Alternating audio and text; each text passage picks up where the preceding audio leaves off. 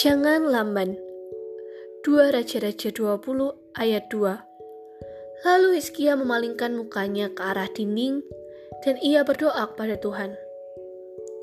Di era komputer akhir-akhir ini kita sering mendengar kata lemot, yang salah satu artinya adalah lamban merespon.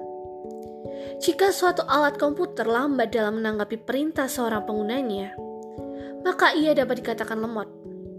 Hal ini sering kali menjengkelkan, terutama ketika kita sedang ingin cepat-cepat bekerja. Sebagaimana kita mengharapkan komputer kita tanggap, maka Tuhan pun demikian. Dia senang jika kita cepat menanggapi akan perkataannya. Dan tahukah Anda bahwa dia pun pribadi yang tanggap? Ingatkah Anda bagaimana Tuhan mengubah keputusannya kepada Hizkia?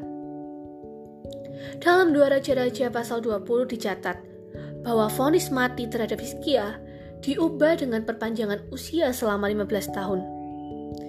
Dengan cepat Tuhan menanggapi doa Hizkia.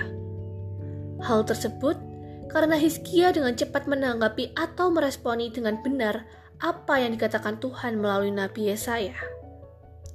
Jadi, jangan lambat meresponi pernyataan atau teguran Tuhan, maka dia pun akan meresponi penyesalan kita.